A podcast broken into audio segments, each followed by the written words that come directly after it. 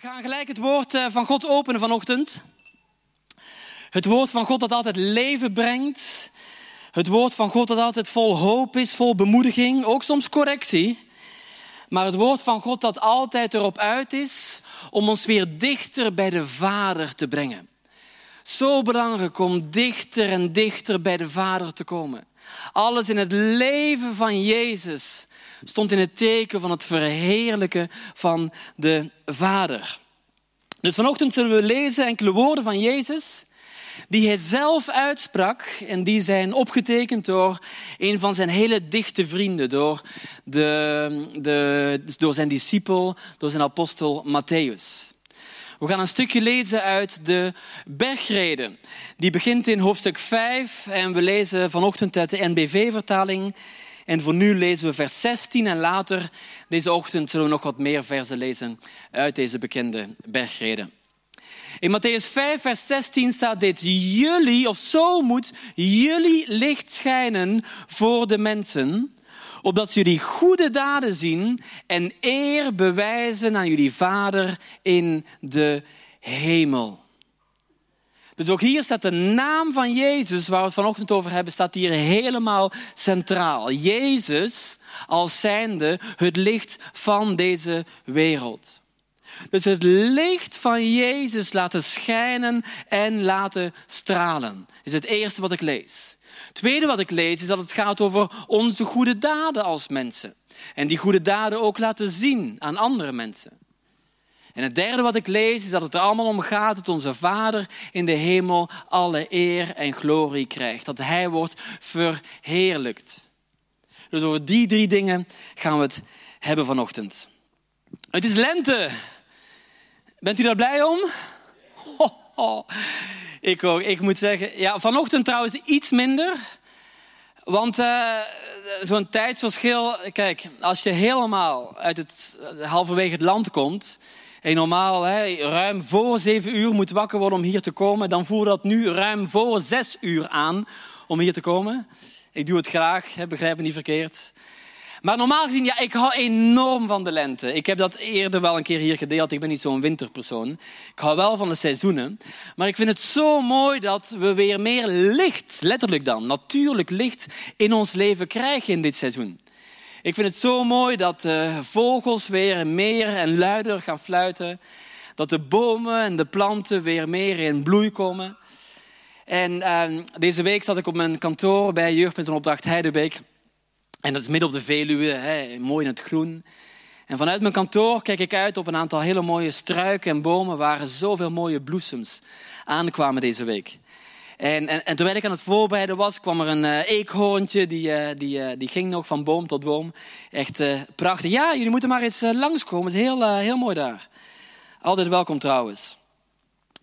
En ik vind het mooi dat we in een periode als dit echt kunnen focussen op dat natuurlijke licht van God, wat we ook in ons leven mogen toelaten. Ik heb, als u het heeft gelezen, in de infomail geschreven als thema See the light. In het Nederlands, zie het licht. Met andere woorden, onze ogen openen om het licht van God binnen te laten, om het licht van God te kunnen zien.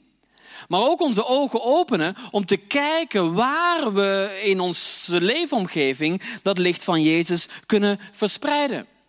Want ik mag dan wel heel blij zijn dat onze dagen langer worden en er weer meer licht ons leven binnenkomt. Ik weet dat er nog heel veel mensen zijn die ook al is er heel veel natuurlijk licht nog steeds hun leven in een duistere en donkere periode leven. Vorige week is hier gesproken over de verloren zoon. Wie van jullie heeft Greta horen spreken vorige week? Een prachtige boodschap. Een prachtige boodschap. Ik heb deze week op YouTube geluisterd. Een prachtige boodschap waar Greta het had over de verloren zoon. Dat hele mooie verhaal, dat verhaal van Jezus. Die prachtige gelijkenis waarin hij ons meeneemt in, in, of waarin Greta ons meenam in de vraag wat het nu werkelijk betekent om verloren te zijn.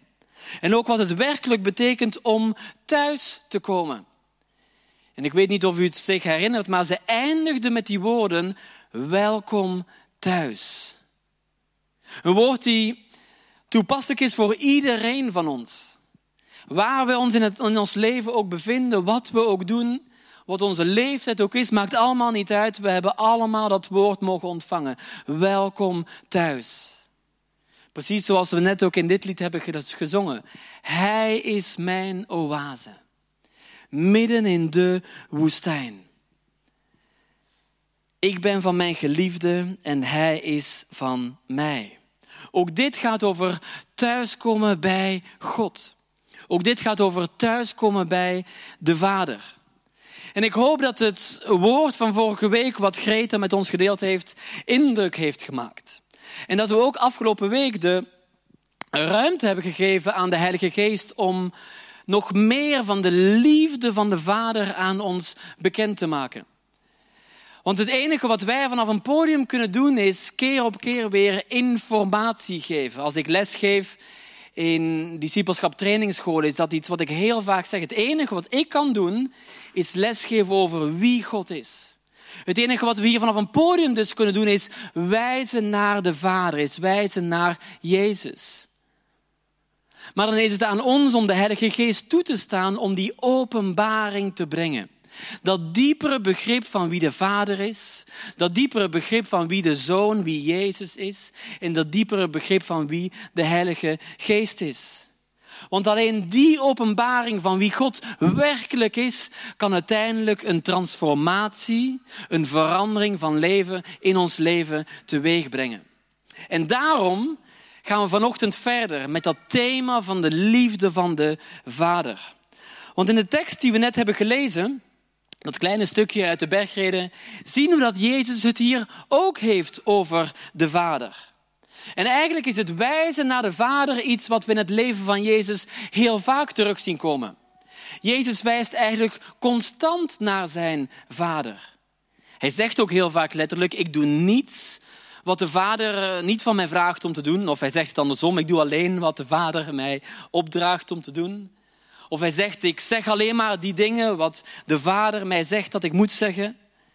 Dus zo vaak wijst Jezus naar zijn Vader. En het is een perfecte relatie. Ik, ik, ik, probeer me dat soms voor te stellen. Hoe ziet die relatie eruit tussen Vader, Zoon, tussen Heilige Geest? Die drie-eenheid. De meest perfecte relatie die wij ooit kunnen vinden.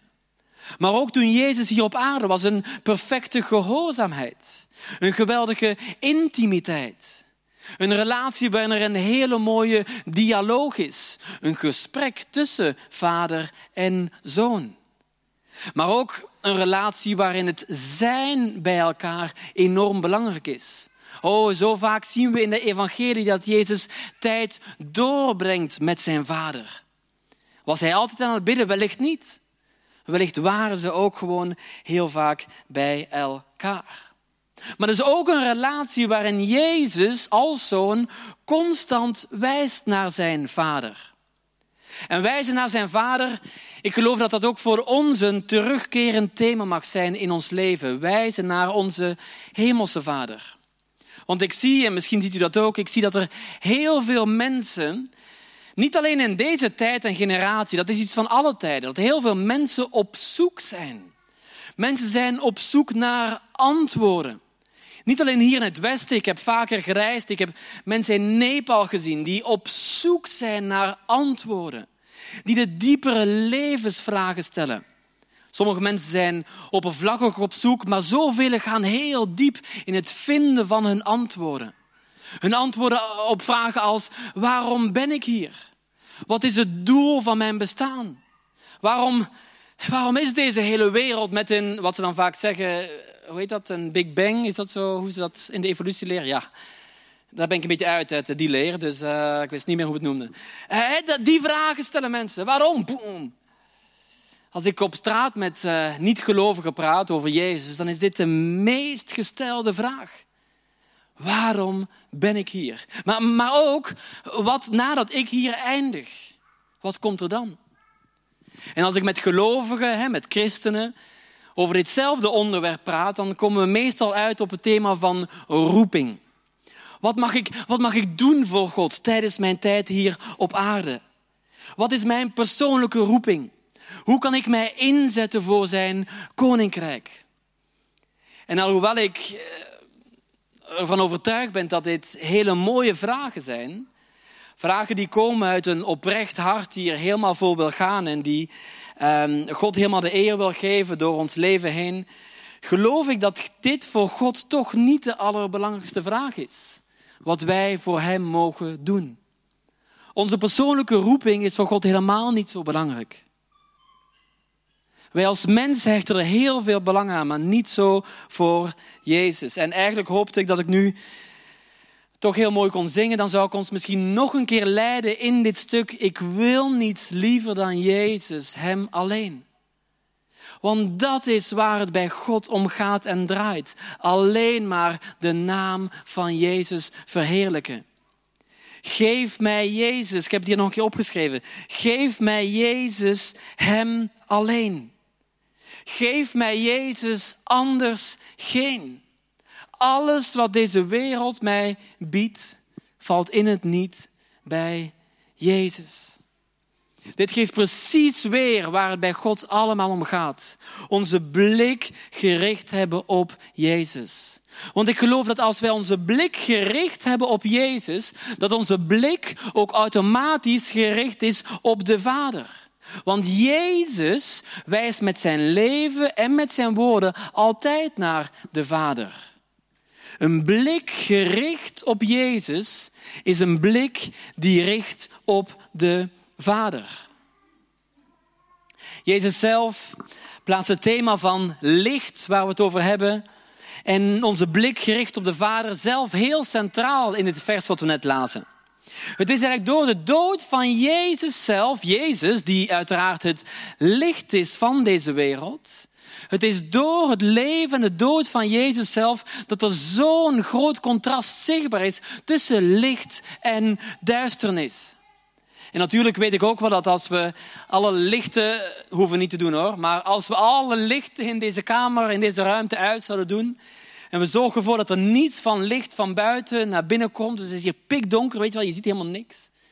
Als dan iemand in een hoekje even zijn telefoon aandoet om met een zaklamp te schijnen, dan zal een heel groot gedeelte van deze zaal verlicht worden. Een groot contrast tussen licht en duisternis. En vorige week, ik zat in het midden van een storm. En toen werd het contrast tussen licht en duisternis mij nogmaals zo ontzettend duidelijk. Het werd me zo duidelijk gemaakt. Ik bedoel trouwens een letterlijke storm. Echt met wind en zo, echt een letterlijke storm. Vorige week, vrij, vorige maandag, dus hè, twee weken geleden, stormde het boven Nederland. Hier ook. Ehm, ik moest toevallig, net die dag moest ik vliegen met een vliegtuig. Nou, niet als, gewoon als passagier. Hè. Oh, het KNMI zei de eerste storm, in officiële storm boven heel Nederland in anderhalf jaar. En op die dag moet ik vliegen. Ik moest eh, naar een andere Europese stad in een Europees land om training te geven aan heel wat medewerkers van onze organisatie. Dus ik kom mooi op tijd aan op, eh, op Schiphol. Uh, na enige tijd hè, dan blijf je maar aan die schermen turen, waarop bijna alle vluchten vertraagd waren. En dan hoop je maar, hoop je maar, hoop je maar dat het bij vertraging blijft. En uiteindelijk cancelled. Oké, afgelast. Daar sta je dan. Oké, afgelast. Onmiddellijk naar de KLM Service Desk. Je onmiddellijk wordt je op een andere vlucht geplaatst. Oké, s'avonds mocht ik uiteindelijk toch doorvliegen naar die andere stad in dat andere land. Um, de meest lastige vlucht, denk ik, die ik ooit heb genomen. Want die storm, ja, dat vliegtuig ging wel, maar die storm, die woedde nog steeds. Ik denk dat het voor het eerst was dat ik heel blij was dat ik met beide voeten weer mooi op de grond stond. Um, enorm veel turbulentie. Maar tijdens dat vluchtje, was maar een korte vlucht, maar tijdens die vlucht keek ik naar buiten. We vlogen hoog boven de wolken. En ik keek naar buiten en ik zag alleen maar duisternis. Eh, weet u wel, als, als, u, als, u, als u vliegt en u kijkt naar buiten door dat raampje, um, ze hadden alle lampen in de cabine ook gedoofd, omdat ze wat rust wilden in de cabine, omdat er inderdaad zoveel turbulentie was.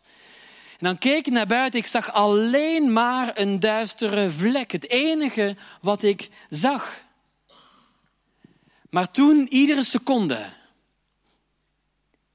Dat hele kleine lampje. Weet u wel?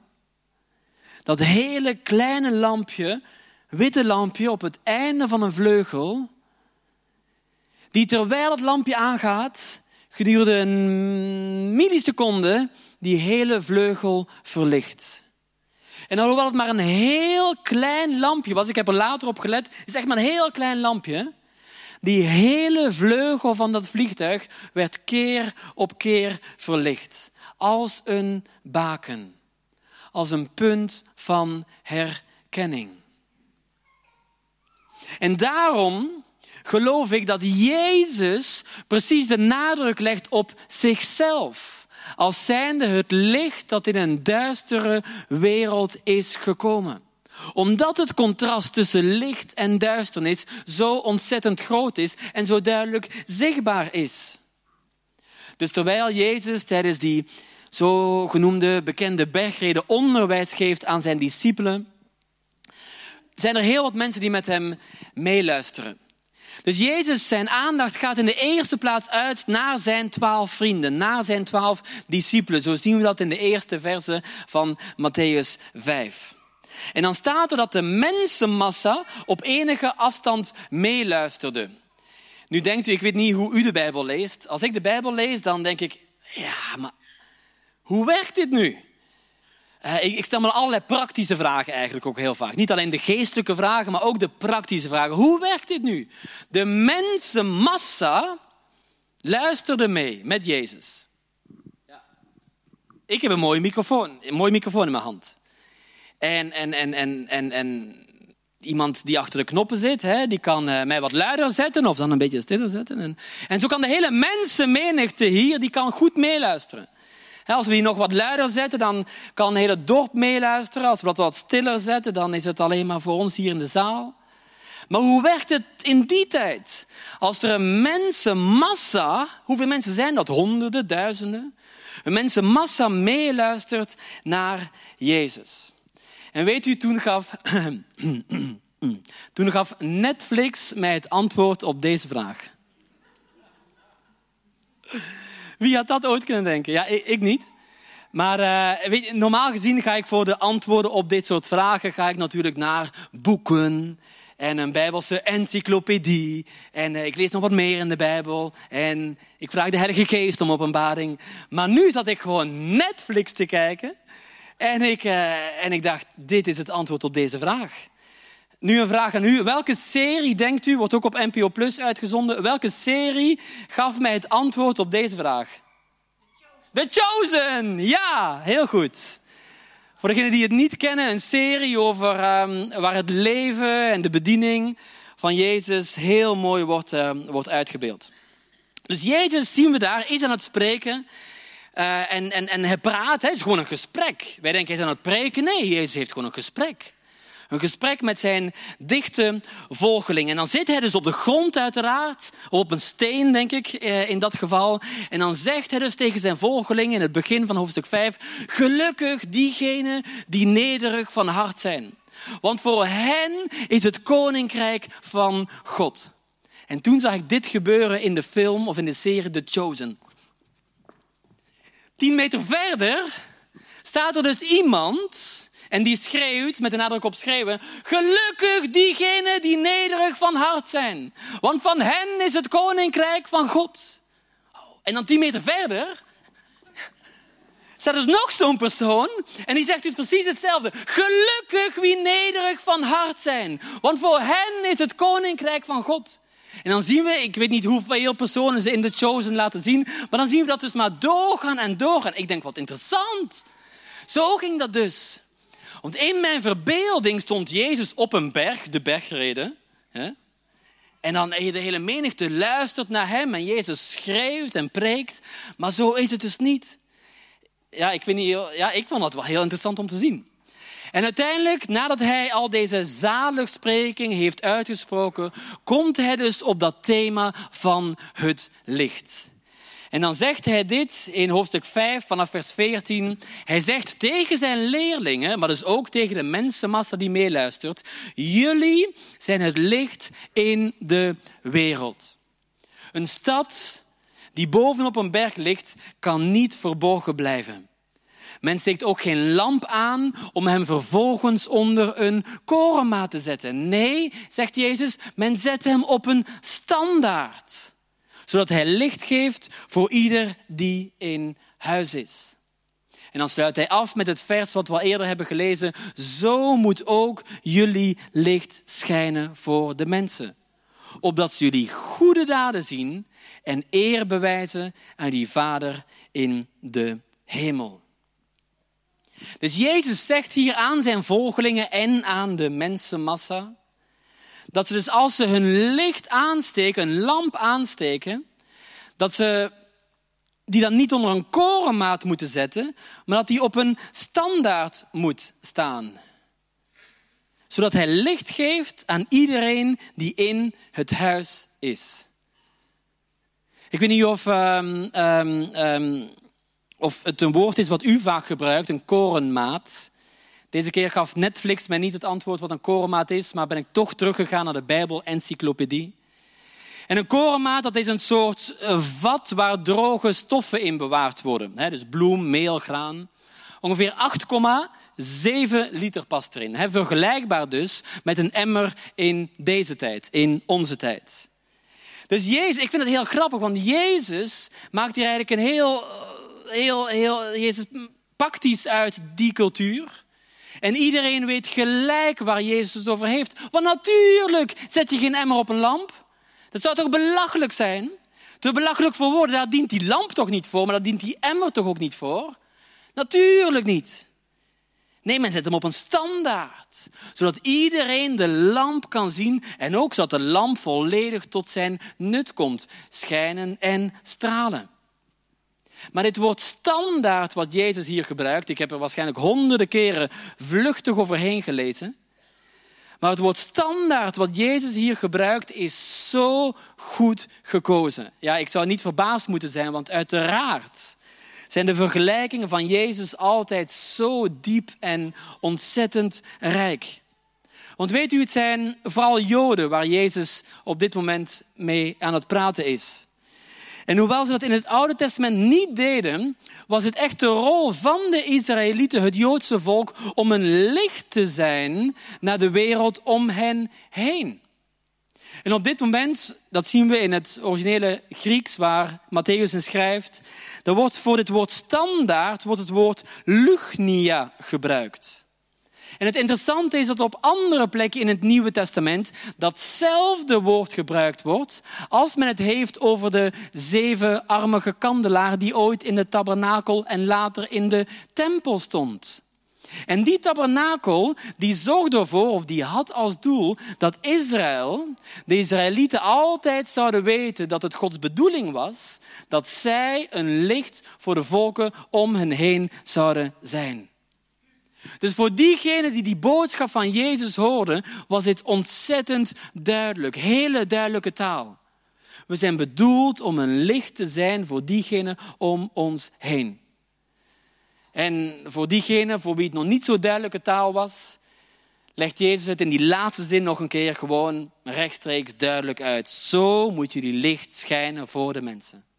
Opdat ze jullie goede daden zien en eer bewijzen aan die Vader in de hemel.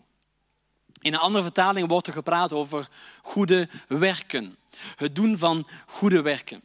En Bijbeluitleggers zijn het over eens dat het niet alleen gaat over de dingen die we doen, over ons handelen, maar dat het gaat over de dingen die we doen, de dingen die wij zeggen.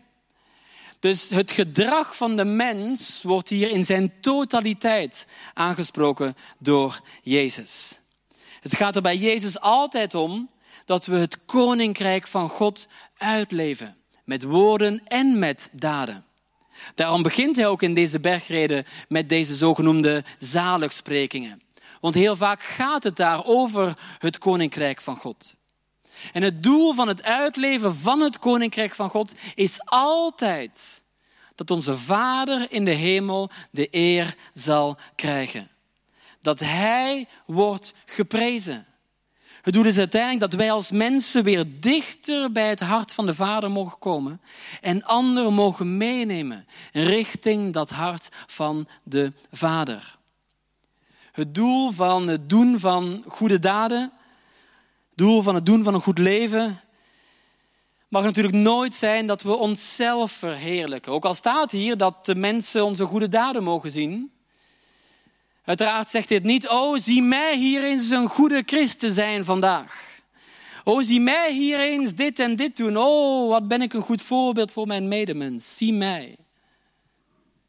Daar gaat het uiteraard niet om. Oh, ik laat mijn licht schijnen, zodat mensen mijn goede daden zien. Ja, dat is belangrijk, maar het gaat om de Vader. In, in, in diezelfde bergreden, één hoofdstuk later, zegt Jezus nogmaals hetzelfde, maar dan in een andere context. Hij, zet daar, hij zegt daarover dit in hoofdstuk 6, vers 1. Hij zegt, let op dat jullie de gerechtigheid niet beoefenen voor de ogen van de mensen, alleen om door hen gezien te worden.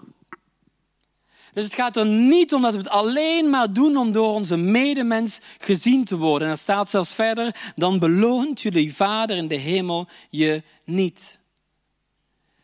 Dus de verheerlijking en de lofprijs van de Vader zou altijd het centrale doel moeten zijn in alles wat wij als mens denken, in alles wat wij als mens zeggen, in alles wat wij als mens doen. Weet u, vroeger hadden we van die bandjes, hè? What would Jesus do? Weet nog iemand dit? Ja. What would Jesus do? Maar vaak denk ik ook, oké, wordt door ditgene wat ik nu doe, de Vader verheerlijkt? Wordt door de gedachte die ik nu heb, de Vader verheerlijkt? Dat is ons licht laten schijnen. Voor onszelf en met onze medemens. Als ik in een vergadering zit met onze leiders uh, van jeugd met een opdracht en we praten over de dagelijkse dingen waarover we moeten praten om onze locatie draaiende te houden, wordt onze vader hierdoor verheerlijkt? Is ook een vraag die ik me vaak stel. Dingen die ik doe, wordt onze vader hierdoor verheerlijkt? Want een blik gericht op Jezus, ik noem het nogmaals, is een blik die richt op de Vader. En het is absoluut, en dat hoorden we vorige week ook van Greta, het is absoluut die vadersliefde die mensen tot inkeer brengt. Het is die openbaring van wie de Vader werkelijk is, die mensen van in hun binnenste uit verandert, transformeert. Weet u ook voor ons vanochtend? Als we het niet meer zien zitten, als we, ik heb het gehad over een letterlijke storm, maar als we door een andere storm in ons leven gaan. Als het om ons heen, misschien niet alleen letterlijk, maar ook figuurlijk, donker, grijs, grauw en leeg is. Als we misschien ook denken dat we door een raampje van een vliegtuig kijken en alleen maar een donkere, duistere vlakte zien. Dan is er toch dat lampje op die vleugel. Die iedere seconde weer een licht uitstraalt. En zo mogen wij ook ons licht laten schijnen. Om daarmee onze blik gericht te houden op Jezus, maar daarmee ook naar de Vader te wijzen. Johannes praat hier ook zo, zo mooi over. Johannes zegt in het eerste hoofdstuk van zijn brief in vers 12. Wie hem wel ontvingen en in zijn naam geloven, gaat over eh, de naam van Jezus. dus helemaal geloven en zeggen dat Jezus onze Heer en Meester is. Daarover zegt Johannes, heeft Hij het voorrecht gegeven om kinderen van God te worden. Wauw. Het voorrecht gegeven. Wij zijn een kind van God geworden en wij mogen Hem dus als Vader zien. Daar ging Greta ook op in vorige week. Wij mogen Hem als Vader omarmen. Maar toch zie je keer op keer dat dit voor ons als mens niet zo gemakkelijk is. Enkele van de meest voorkomende belemmeringen voor ons begrip op het vaderhart van God zijn emotionele wonden, die wij als mens door de loop van ons leven hebben opgelopen. Weet u, het woordenboek, daar haal ik ook soms informatie uit. Het woordenboek spreekt over het hart als iemands diepste wezen. Het woordenboek zegt ook, het hart is het essentiële onderdeel van een mens. Ons diepste wezen, ons essentiële onderdeel. Maar weet u, het is de Vader die er alles aan doet om dat meest essentiële onderdeel te herstellen. Altijd. Het doel van de Vader, waarom Hij Jezus naar deze aarde stuurde, was om de relatie met Hem te herstellen. Om ons hart weer te, te, te genezen. En om ons hart weer dichter naar het hart van de Vader te brengen. Mag het muziekteam al vragen om naar voren te komen? Want nogmaals, die woorden, een blik gericht op Jezus, is een blik die richt op de Vader. Geef mij Jezus, anders geen. Geef mij Jezus, Hem alleen. Waarom niet alleen voor ons eigen leven, maar ook zodat de mensen door ons leven heen naar de Vader zullen kijken en Hem alle eer zullen gaan bewijzen. Zullen we gaan staan en dan wil ik graag bidden.